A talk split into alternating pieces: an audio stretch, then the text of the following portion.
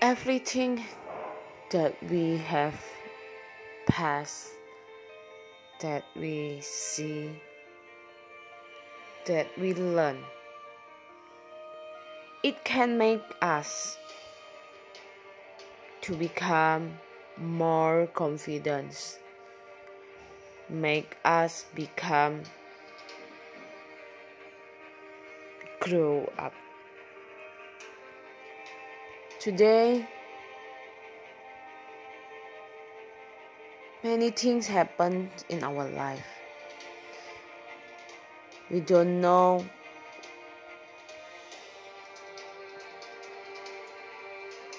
what are the results of the problem, the things that happen. But one thing that we can learn about hope. Do you still have, have a hope when you are struggle, when you are don't know what you should to do, when you are give up? But do you see one hope that can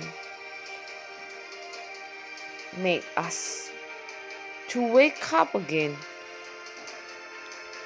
The hope that can make us